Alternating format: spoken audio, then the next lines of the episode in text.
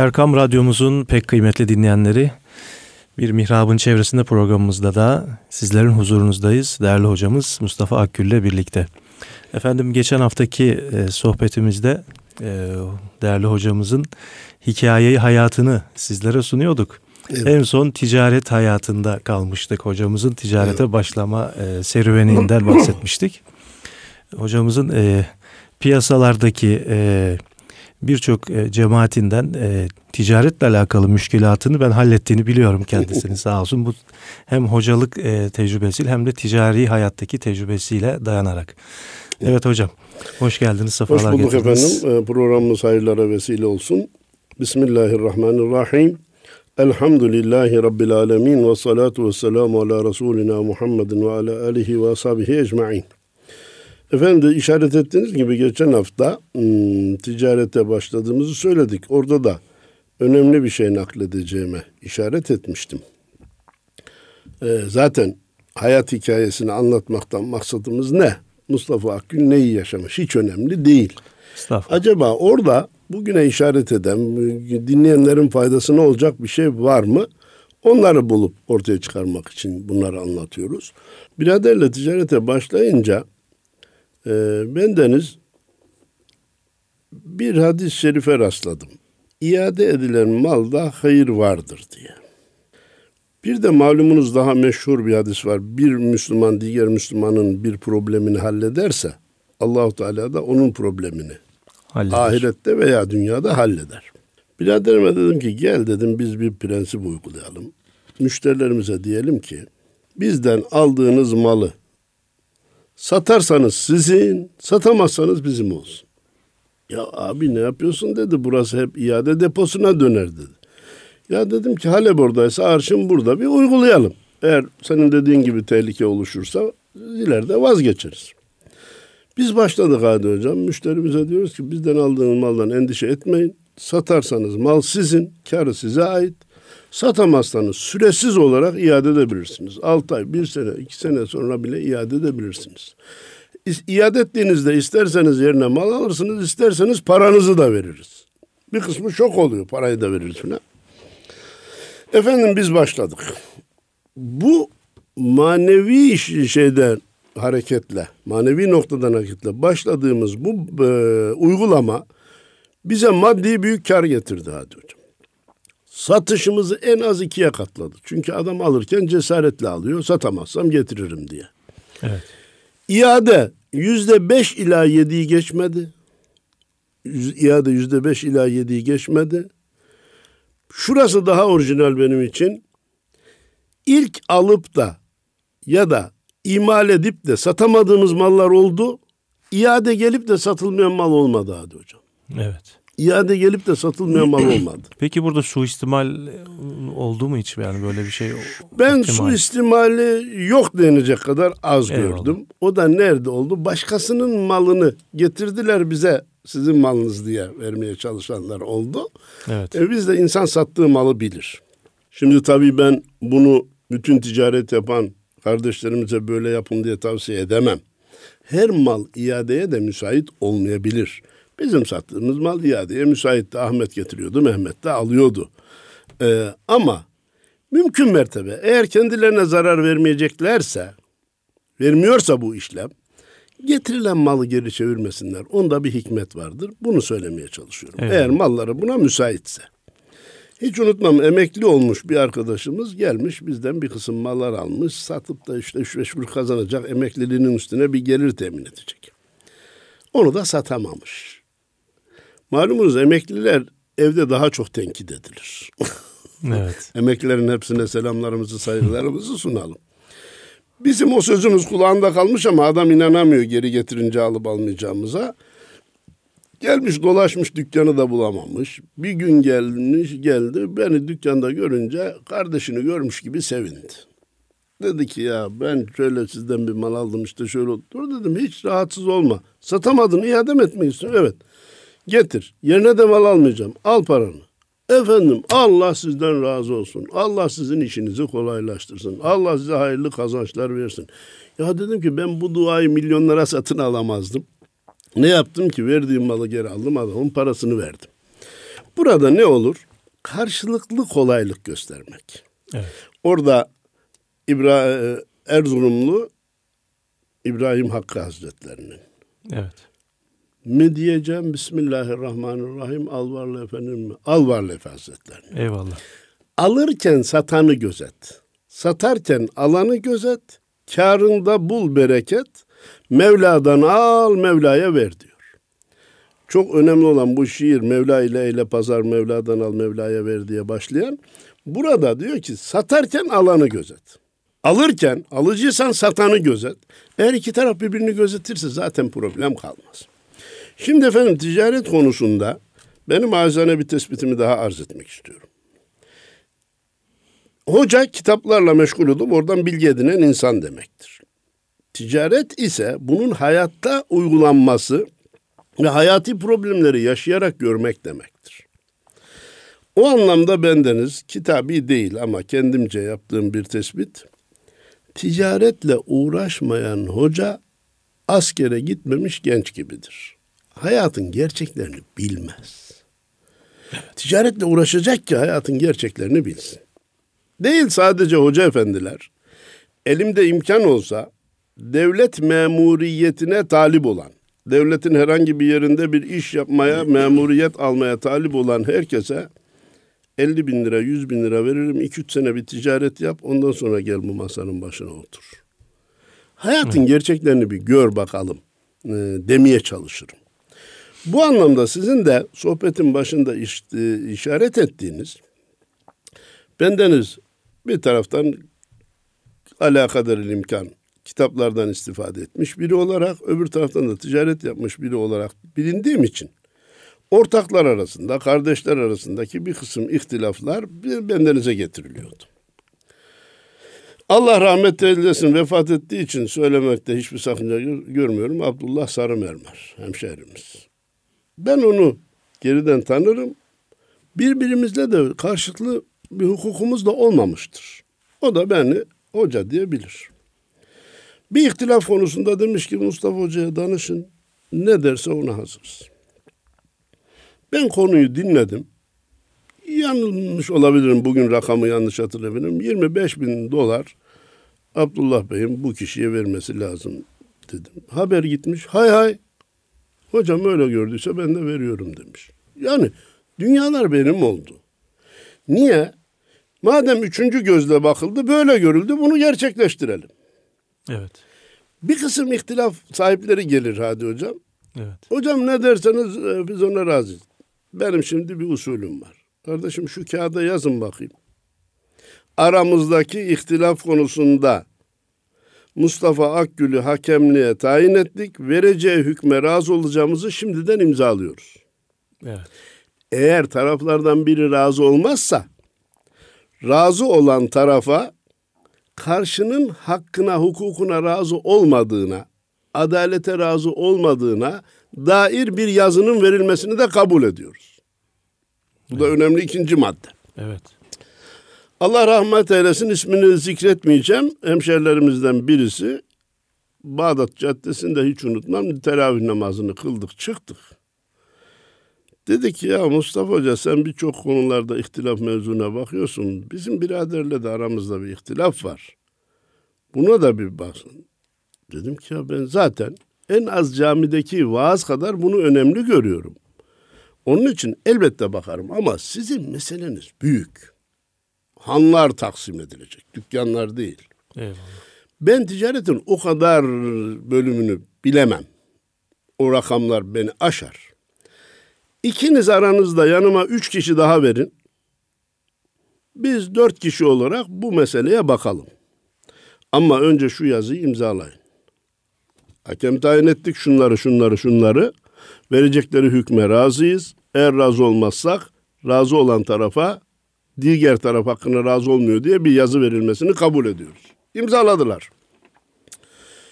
Hiç unutmam ben o, o ekiple beraber olmaktan dolayı Allah'a hamd ettim. O insanları tanıdım. Hakikaten olaya bakış açılarını e, bana, bana çok şey kazandırdı. Gece ikilere kadar meseleyi müzakere ettik. Kardeşleri yan yana getirmiyorduk çünkü yan yana gelince birbirlerine hakaret ediyorlardı. Taraflar taleplerini yazılı olarak bize sunsun dedik. Yazı üzerinden konuyu müzakere ettik. Hükmümüzü verdik. Efendim o bana ilk müracaat eden kardeş ben buna razı değilim dedi. Sadece razı değilim demekle kalmadı. Gitti noterden razı olmadığına dair ihtar çekti. Bu ihtar bizim işimizi kolaylaştırdı. Biz karşı tarafa yazı vereceğiz ya. Önce sadece şifai olarak razı değilim deseydi, biz yazıyı verseydik, ya ben razı de razı değilim demedim ki dese evet. biz ispat edemeyiz. Bir de noterden şey gelince bak razı olmazsam karşı tarafa yazı verilmesini kabul ediyorum demiştin. Sen de razı olmadığını bize tescil ettin noterden de yazı çık. Efendim biz bundan sonra diğer kardeşin eline yazı verdik ki A şahsı önce meseleyi komisyona havale etti. Komisyonun verdiği karara razı olmadı demek ki hakkına razı değil, adalete razı değil bu adam diyor. Bu yazıyı o kardeş etrafa göstermeye başlayınca birinci şey yaptı, sıkıştı, zor durumda kaldı. Geldi, vefat eden o, Allah taksiratını affetsin, Allah rahmet eylesin. Dedi ki hoca bütün kararların dedi bir temizi olur dedi. Bu kararın temizi yok mu dedi. Ha arkadaşlarıma bir ileteyim dedim bu fikri. İlettim komisyona. Dediler ki bu bizim kararımız. Tekrar bakacak olan da biziz. Temiz olması için bir başka kurulun, bir başka kurulun, bir başka komisyonun bakması lazım. Bizim kararımız bu. O temyiz istemiyor. Kendinin düşüncelerinin kabul edileceği bir rapor istiyor. Onun için bakmıyoruz dediler. Onu geri çevirdik. Bu e, böyle bir hatıra anlatılamayacak kadar çok örnekler var. Aile problemleri acizane gelmeye çalıştı. Baba oğul arasında, evet. kardeşler arasında e, problemler gelmeye başladı. Bendeniz Bilhassa kardeşlerle gelenlere diyordum ki, bakın, insan kendi evladını kardeşinden kendine de yakın görebilir. Halbuki evladınızın kanının yüzde ellisi sizden, yüzde ellisi başkasından. Kardeşinizin kanı sizinle yüzde yüz aynı. İlk etapta kardeşle beraberliği tercih edin.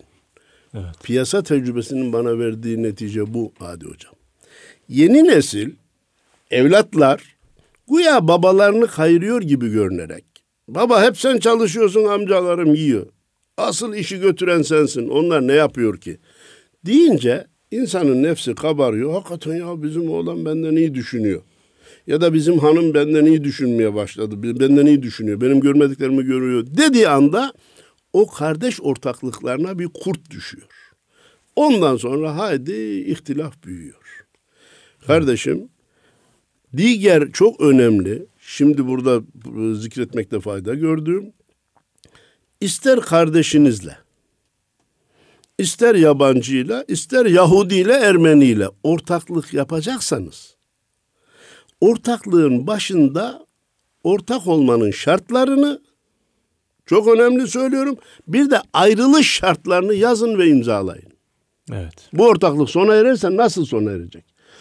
Kimde kalırsa dükkan nasıl olacak? Ayrılanın ödeme takvimi nasıl olacak? Bunlar nasıl şey yapacak? Mallar neye göre tespit edilecek? Hangi fiyata? Bataklar, alacaklar nasıl hesaplanacak? Bunlar baştan yazılırsa sonra ayrılmak kolay olur demiyorum. Zaten nefisler at oynatamaz şartlar bellidir. Bellidir değil mi? Ortaklık uzun süre daha devam eder. Ayrılacaksa da nasıl ayrılacağı belli olur. Kardeşler ortak olmuş, yürütmüşler. Bir yazı yok, bir metin yok, bir anlaşma yok. İhtilaf başlayınca hocam biz hallet. Peki kardeşim senin ikinci kardeşin üç sene sonra geldi memleketten bu işe girdi. Üçüncü kardeşin beş sene sonra geldi. On yaşındaydı. Senin bunun maaşını temin et, tespit ettin mi? Ondan sonra hisse verirken şu kadar hisse veriyorum dedim. Yok. İşte devam ettik gittik. Önce haçlık verdik. Sonra haftalık verdik. Sonra evet. maaş verdik. Sonra hisse verdik. Bugün adam diyor ki madem bu gemi buraya geldi eşit paylaşacağız. Şimdi evet. büyük kardeş diyor ki kardeşim ben başlattım bu işi. Sen yürüyen bir gemiye bindin. Efendim nasıl eşit paylaşacağız? Sonradan gelen genç kardeş diyor ki abi sen bunu saatte 30 kilometre hızla götürüyordun. Ben geldim, işe başladım. Çin'e gittim, Hindistan'a gittim, Londra'ya gittim, New York'a gittim. Ee, şeyin ticaretin, müessesetin hızını 100 kilometreye çıkardım. Ben senden daha çok hisse almam lazım. Evet. Bütün bunlar sonradan ortaya çıkarsa halli zor olur. Kardeşim dur sen geldin maaşın şu. Üç sene çalıştın hissen şu. Hayır o kadar hisseye razı değilim abi bana biraz daha fazla ver. Tamam neyse o zaman anlaşılacak ve kayda geçecek. Efendim ben müesseseye yeni bir ufuk açtım. Öyleyse benim hissem şu olması lazım diye. Genç kardeşler, sonradan gelen kardeşler itirazlarını baştan yapmaları lazım. Evet. Herhangi bir konuda bir ay, iki ay, hele altı ay, bir sene geçmiş ise mevcut şartlar taraflar razı olmuş demektir. Evet. Sonra geriye dönerek hak iddia etmek nefsani bir iştir. Doğru bir şey değildir. Bütün bunları niye söyledik? Hocalığın yanında ticaretle uğraşmanın da insana kazandırdığı bazı şeyler var. Bir, iki, kardeşinizle, ortağınızla ihtilafa girmişseniz birbirinize hakaret etmeyin, kırmayın. Hemen üçüncü şahıslara gidin. Tarafsız olduğuna inandığınız, menfaatinin olmadığına inandığınız taraflara gidin ve onların vereceği hükme razı olun. Efendim, genç bir hemşehrim bana büyük bir ders verdi. Babasıyla amcalarının arası açık. Deminkinden başka bir olay. Hanlar bölüşülüyor. Onlardan birinin oğlu dedi ki hocam siz bu işe bakarken sakın gram miligram aman bir tarafın hakkı bir tarafa geçmesin filan diye çok titiz davranmayın. Baltayı alın vurun. Bir tarafa şu kadar fazla gelmiş, bir tarafa bu kadar az gitmiş. Zaten kardeşler beraber kazanmışlar. Siz elinizden geleni yapın ama çok milimetrik uğraşırsanız bu işin içinden çıkamazsınız. Vurun, iki tarafa da iyilik yapmış olursunuz. Niye? Şimdi kafaları hep birbirleriyle meşgul, işe güce bakmıyorlar. Bak bak, gencin evet. söylediği söze bak hadi hocam. Efendim vurulur da ayrılırsa 2 kilo eksik, 1 kilo fazla, 1 milyon fazla, 2 milyon eksik gitmiş. Büyüm değil. Herkes işine gücüne bakar, onun daha fazlasını kazanır dedi. Aferin dedim, bravo sana dedim. Böyle yapacağım dedim. Ama o dosya niye başlamadan kapandı? Dört kardeşlerdi, üçü beni yetkili kıldı. ne hüküm verirsen ver. Birisi dedi ki yok bir milyar yanılma hakkı veririm hocam sana dedi yanılmam bir milyardan fazla olursa kabul etmem dedi. E, koca hanlar taksim edilecek kardeşim ben bir milyar mı değil mi? Ben kesin yetki olmayan konuya girmem öylese bakmıyorum dedim.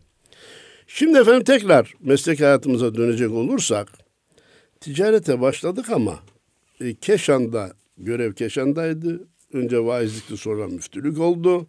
Ben İstanbul'a gelmek istiyorum. Diyanet de vermiyor. Niye dediler geleceksin? Ben ticaret yapacağım. E açıkça söylüyorsun dediler. Bunun kapalısı yok dedim. Verirdiniz vermezdiniz öyleyse istifa ediyorum dedim. İstifamı kabul ettiler. Keşan'daki müftülük görevinden istifa ettim. Geldim o gün Bakırköy müftüsü Mehmet Altunkaya. Kulakları çınlasın. Şimdi Kayseri'ye yerleşti. Diyanet İşleri Başkan Yardımcılığı yaptı hatırlarsınız. Eyvallah. Vardım dedim ki hocam ben Keşan müftüsüyken istifa ettim ama mesleğimi seviyorum. İzin verirseniz, imkan hazırlarsanız fahriyen, ücretsiz, maaşsız vaizlik yapmak istiyorum. Her müftü buna razı olmayabilir. Altunkaya kulakları çınlasın, Allah ondan razı olsun. Olur dedi. Sevindim çünkü ben mesleğimi seviyorum, devam etmem lazım. Sadece olur demekle kalmadı Hadi Hocam. Bir gün yapılan program için bir camiye gideceğim. Dışarı çıktım ki dairenin arabasını göndermiş. Gidin Mustafa Hoca evinden alın. Görev yapacağı camiye götürün. Görev bitince de getirin evine koyun. Oo, Müftü Efendi'nin bu jesti benim olaya evet. bakış açımı değiştirdi. Hemen buradan hali hazırdaki müftü kardeşlerime diyorum. Çünkü hepsi benden mutlaka yaşça küçüktür. Eğer benden büyük olsa emekli olurlardı. Emekli olurlar. Hemen diyorum ki muazzaf vaizleriniz vardır. Şu anda görevde olan vaizleriniz vardır. Onlara araba tahsis etmek mecburiyetinde değilsiniz. Çünkü görevlidir gidecek. Etrafınızda emekli vaiz, emekli müftü meslektaşınız varsa sadece onları vazifeye davet etmekle kalmayın. Altılara da arabayı tahsis edin. Git evladım al oradan götür görev yapsın tekrar getir evine bırak diye emeklilere hem bir iltifat olsun hem de mecbur olmadıkları bir görevi yapıyorlar. Böylece onların da moralleri düzelsin, kolları, kanatları açılsın. Ben çok saygı duyduğum Beylikdüzü'nde şu anda oturan eski İstanbul müftülerimizden biri var. Vaazı da öyle az buz değil. Dinlenir demiyorum. Dinlenmek mecburiyetinde olan birisidir. Tayyar Taş Hoca'yı kastediyorum. Ve buradan ismini de vererek söylüyor. Allah uzun ömür versin. Allah hayırlı hizmetler nasip etsin diyorum. Bütün görevde olan müftü kardeşlerimize o gibi hocalara araba tahsis ederek, nerede hizmet etmek istediklerini sorarak böyle bir kapının açılmasında büyük fayda görüyorum. Çünkü onlar birikimleri fazla olan, ileri yaşlara gelmiş, sakinleşmiş, hayatın gerçeklerini öğrenmiş kişilerdir. Evet. Onlardan istifade etmek lazım. Biz efendim üç sene Bakırköy'de Altunkaya ile Fahriyen çalıştık. Sağ olsun o hem bu iltifatta bulundu hem gittiğim yere geliyordu beni dinliyordu filan. Sonra Diyanet İşleri Başkanlığı'na müracaat, müracaat, müracaat biz resmi görevi tekrar istiyoruz. Cezaevi vaizliğine razı mısın dediler. O zaman Samalcılar cezaevi vardı şimdi. Evet. Yok ya efendim. Evet. Olur dedim. Hem resmi göreve dönelim. Ondan sonra cezaevi vaizliği bir gün biter. Başladık. Koğuşları birkaç kişiydik arkadaşlar olarak. Koğuşları bölüşüyorduk. Sıbyan koğuşu dediğim çocukların koğuşu da bendeydi. En çok faydayı, en çok randımanı o koğuştan aldım Hadi Hocam. Evet. Çünkü diğerlerine işte sureleri veriyorum. Haftaya Fatiha'yı oku, sen de Sübhaneke'yi oku, sen neredesin Ettehiyatı oku dedim mi? Sohbete gelmiyor. Evet. Gelmek mecburiyetinde değil efendim. Ama gençlere ders verip haftaya isteyince efendim 35 e, farz dediğimiz imanın şartları, İslam'ın şartları hadi bakalım beraber anlatalım filan deyince onlarda bir heyecan gördüm. Ve ders veriyorlardı. Çocukluğun verdiği şeyle hocam diye itaat ediyorlardı. Hiç unutmuyorum baba katilliğinden gelen Kenan isimli biri vardı. Derslerde en başarılı Kenan'dı. Verdiğim bütün sureleri haftaya hazırlıyor, okuyor, şey yapıyor. Dedim Kenan, hayırdır ya babanı niye öldürdün? Dedi ki hocam çektiklerimi anlatsam zaman yetmez. Babam içkiye müptela oldu. Alkolik oldu. Anamı dövüyor, bizi dövüyor, eve para getirmiyor, bu sıkıntıların bir para. Gidiyoruz karakola şikayet ediyoruz. Bir saat, iki saat götürüyorlar ondan sonra bırakıyorlar.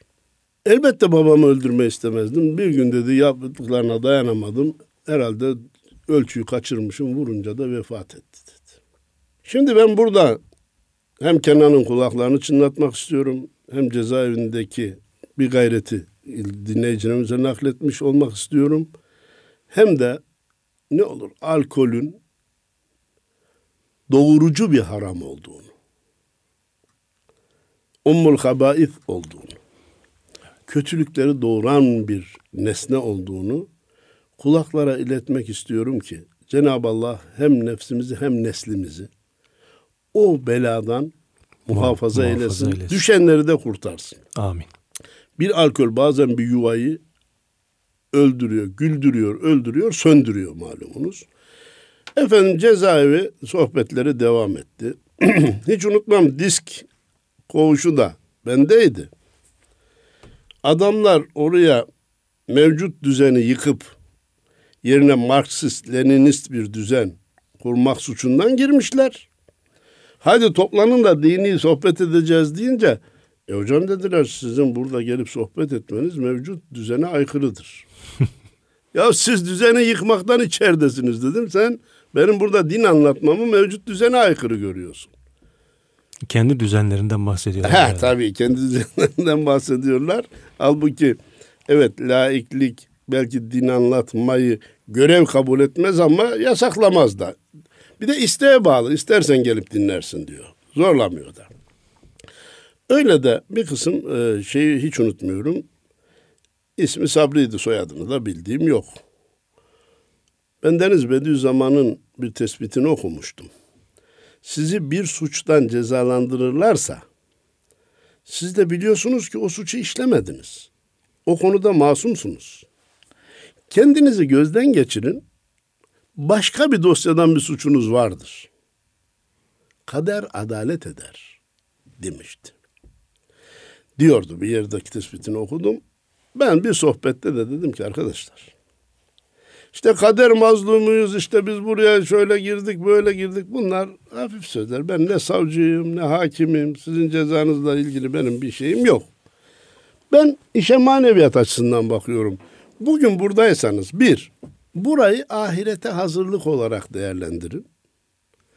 Üstad Necip Fazıl'ın küçük pencerecik, ufak daracık, dünyaya kapalı, Allah'a açık dediği şeyi getirmeye çalıştım.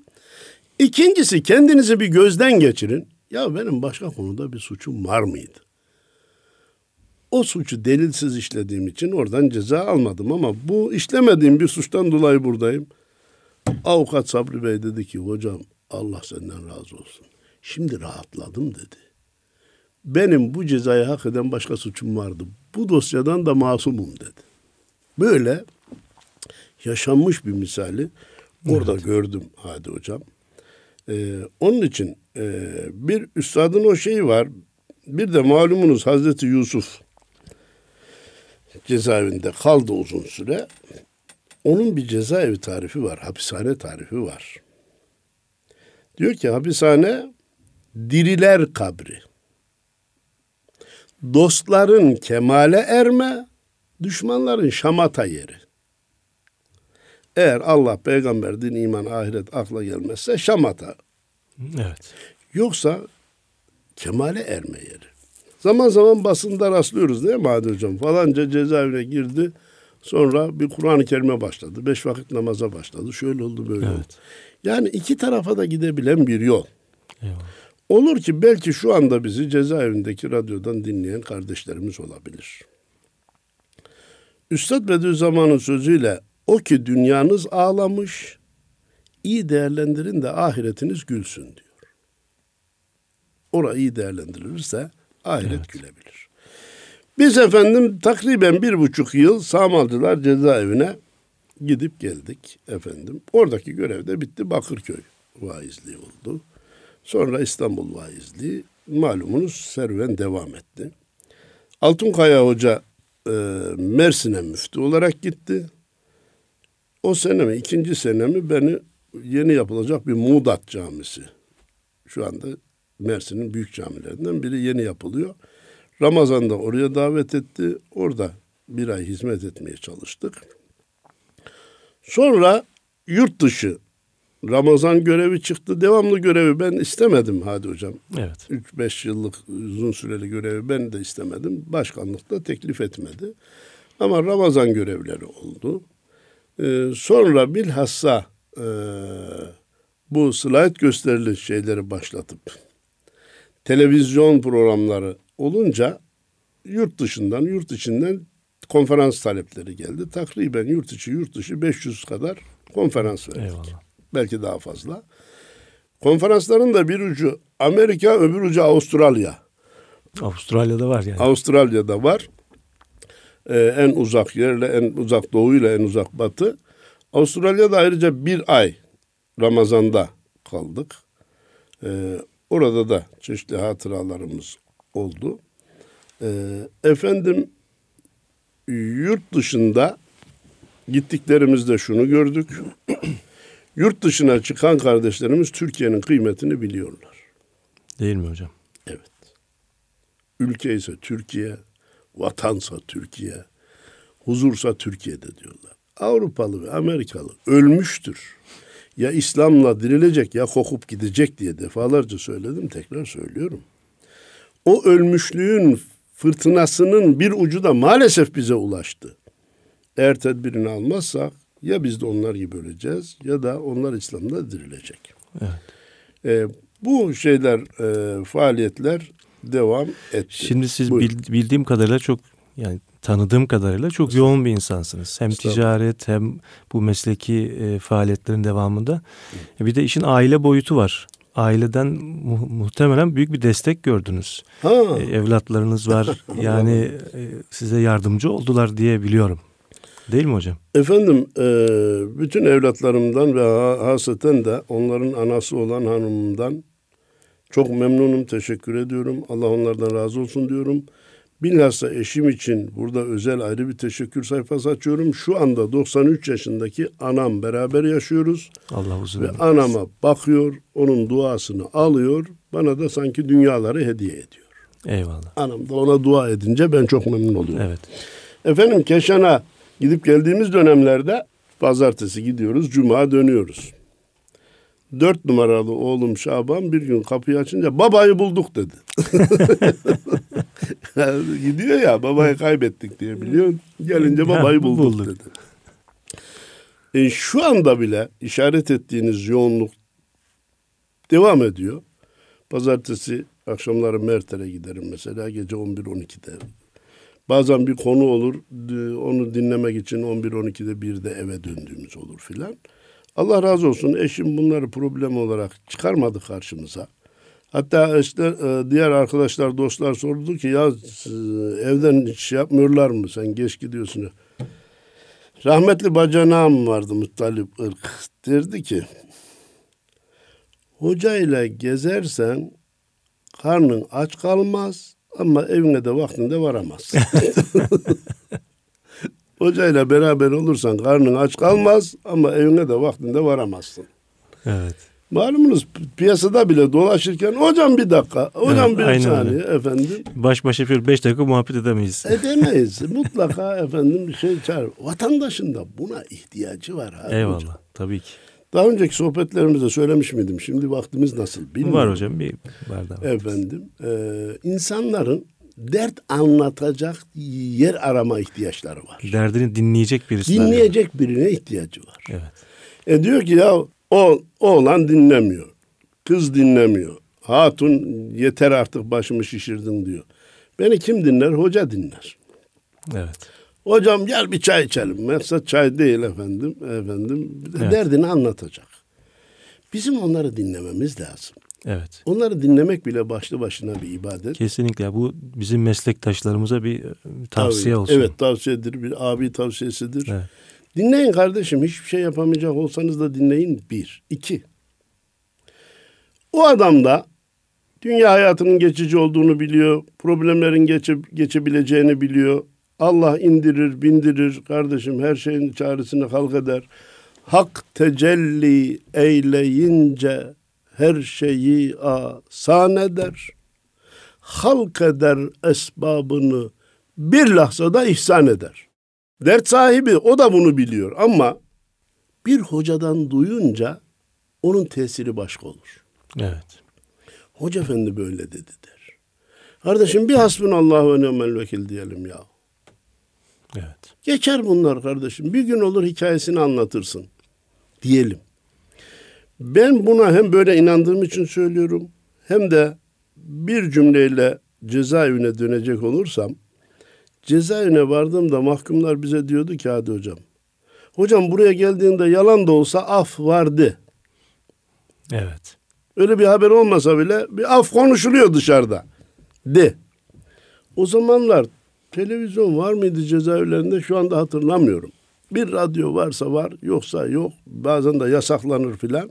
Hakikaten dışarıyla alakası kesiliyor. Ee, Üstad Necip Fazıl'ın e, güneşe göç var da kalan biz miyiz diyor. Acaba dışarıda herkes güneşe göçtü de sadece biz, mi kaldık kar- haberimiz kar- bile Karanlıkta yok. biz miyiz? Evet. Zindan iki hece Mehmet'im lafta. Baba katili. Baba katiliyle baban bir safta. Bir de geri adam boynunda yafta. Halimi düşünüp yanma Mehmet'im. Kavuşmak mı? Belki daha ölmedim diyordu üstad.